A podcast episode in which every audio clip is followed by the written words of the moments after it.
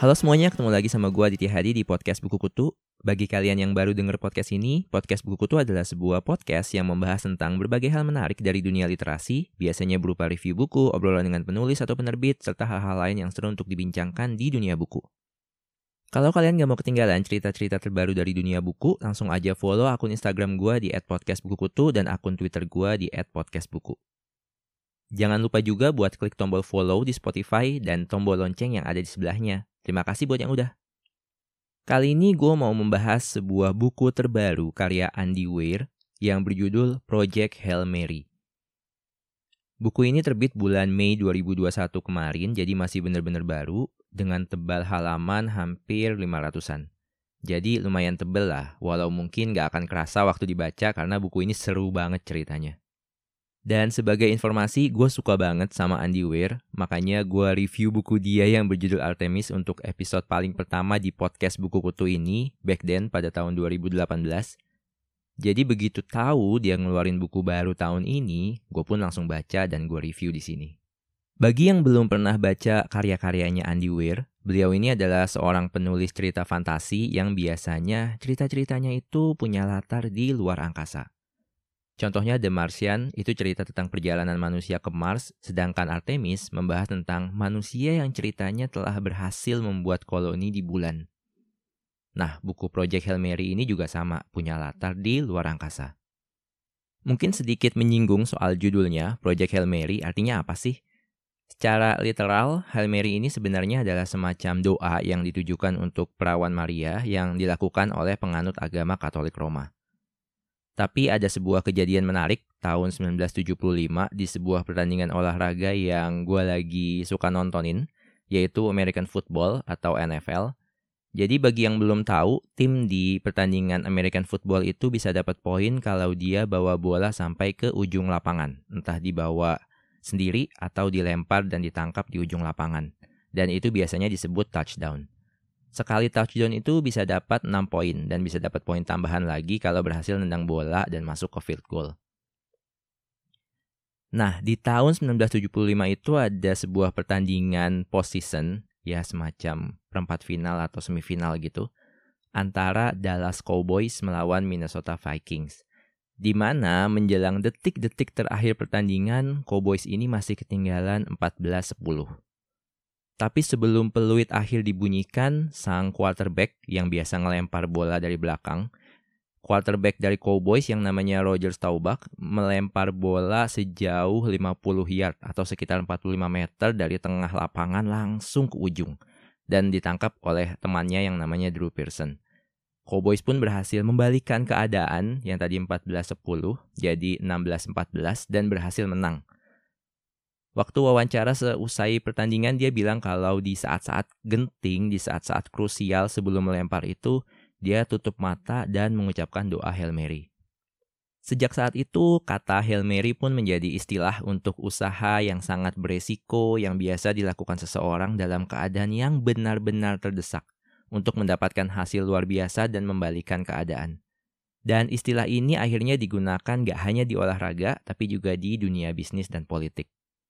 Dan itulah premis utama dari buku Project Hail Mary karya Andy Weir ini. Tokoh utama buku ini seorang pria yang namanya Rylan Grace berusaha untuk melakukan sebuah usaha yang sangat beresiko untuk menyelamatkan kehidupan seluruh manusia di bumi yang tengah dalam keadaan terdesak. Di mana ada sebuah fenomena yang terjadi di luar angkasa yang membuat matahari, pusat tata surya kita itu kehilangan tenaga sedikit demi sedikit – yang artinya intensitas panas matahari ke bumi pun akan berkurang dan mengubah iklim di bumi secara drastis dan berpotensi membuat manusia punah. Dan di saat yang sama, manusia tahu bahwa di galaksi lain ada sebuah sistem tata surya yang sepertinya, tanda kutip ya, juga tengah mengalami fenomena yang sama, tapi pusat tata surya di sana alias matahari di sana nggak mengalami penurunan panas yang sama. Akhirnya negara-negara di bumi dengan nekat semua bersatu menerbangkan beberapa astronot untuk pergi ke tata surya tersebut, mempelajari alasannya dan mengirimkan informasi yang bisa menyelamatkan diharapkan bisa menyelamatkan umat manusia di bumi. Kenapa gue bilang sepertinya pakai tanda kutip tadi ya? Karena memang semuanya hanya teori gitu, semua hanya ah mungkin di sana bisa ada informasi untuk menyelamatkan manusia di bumi dan lain sebagainya. Karena hanya itu satu-satunya pilihan yang tersisa untuk bisa menyelamatkan kehidupan manusia di bumi. Makanya ini adalah usaha yang benar-benar nekat, benar-benar Hail Mary, tanda kutip, mengingat bahan bakar pesawat luar angkasa yang berhasil dibuat hanya bisa mengirim orang ke sana dan gak cukup buat ngirim keseluruhan pesawat dan orang di dalamnya untuk balik ke bumi. Jadi kayak one way trip gitu. Jadi ini ide yang bener-bener gila dan dari situlah kenapa muncul judul Hail Mary.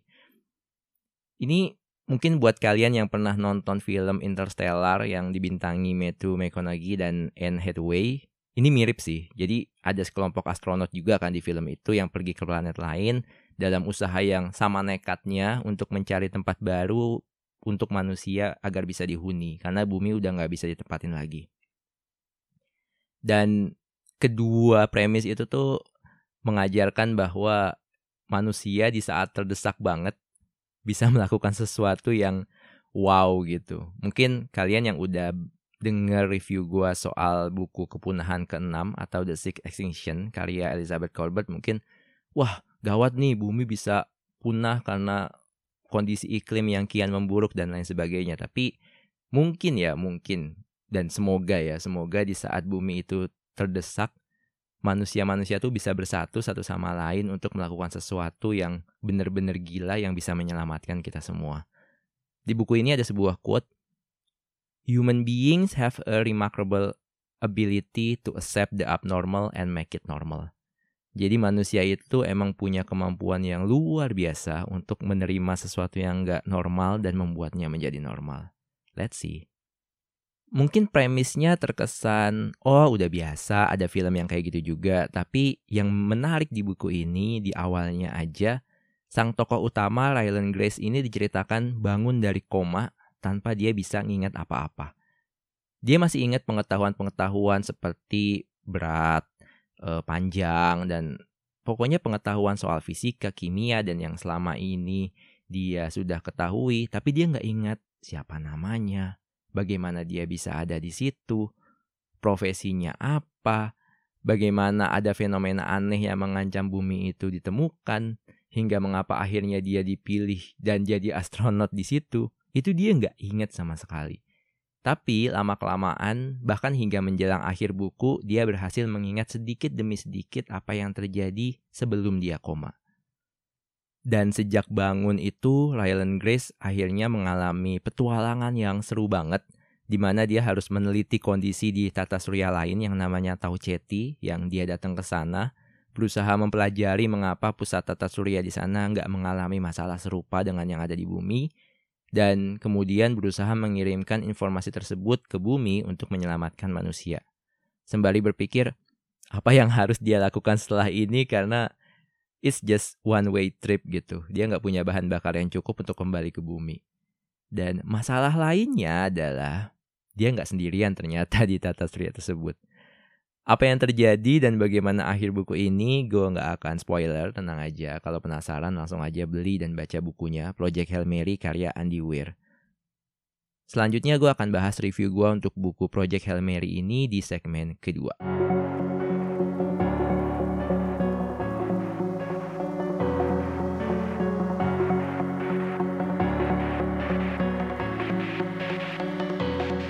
Untuk buku Project Hail Mary karya Andy Weir ini, gue sebenarnya rada ragu akan memberikan 3 atau 4 bintang karena secara keseluruhan buku ini bagus sehingga layak bintang 4. Tapi ada beberapa hal yang membuat gue hmm, jadi ingin menurunkan sedikit ke tiga setengah lah. Oke, kita mulai dari alasan mengapa gue suka buku ini dulu ya. Pertama, buku Project Hail Mary karya Andy Weir ini menggunakan ya semacam resep rahasia atau secret recipe untuk cerita petualangan luar angkasa yang pasti orang suka. Seperti yang juga sudah dia gunakan di The Martian. Biasanya mirip dengan cerita-cerita Armageddon style atau kondisi mendekati kiamat yang memaksa manusia di bumi untuk melakukan perjalanan luar angkasa tanpa persiapan yang terlalu cermat dan waktu yang lama persiapannya. Karena itu ada aja hal-hal buruk yang terjadi.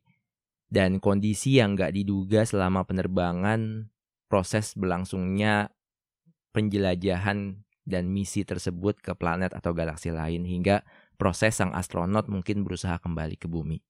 Semuanya lengkap banget ada di buku ini, jadi unsur ilmiahnya ada, unsur tegangnya juga ada, plus ada teori-teori humanis yang muncul di beberapa bagian. Kalau dibikin film sih bisa banget buku ini. Bahkan unsur ilmiah yang diangkat di sini tentang mengapa bumi ini terancam karena matahari tiba-tiba mulai kehilangan panas karena sebuah fenomena alam itu menurut gue lumayan fresh sih. Gue baru kayaknya menemukan teori seperti itu di sini dan belum ada di cerita-cerita lain. Selain itu ada juga dinamika politik di bumi yang menunjukkan bagaimana kita bisa bersatu di saat-saat sulit gitu. Meski ya masih ada aja lah birokrasi-birokrasi yang menghambat walaupun this is our life in the line gitu. Jadi overall gue menikmati proses berpikir dan seru-seruannya saat baca buku ini. Bahkan sedikit clue aja, ada tokoh bernama Rocky yang pasti bakal disukai semua pembaca menurut gue.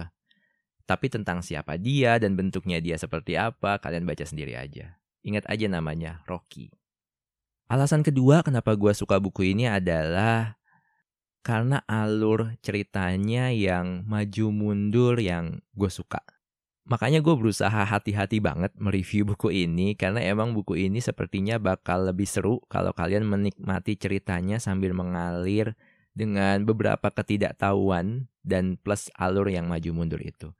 Jadi kalau dibikin semacam grafik ya, di satu bab itu biasanya ada dua segmen cerita yang bercampur di dalamnya.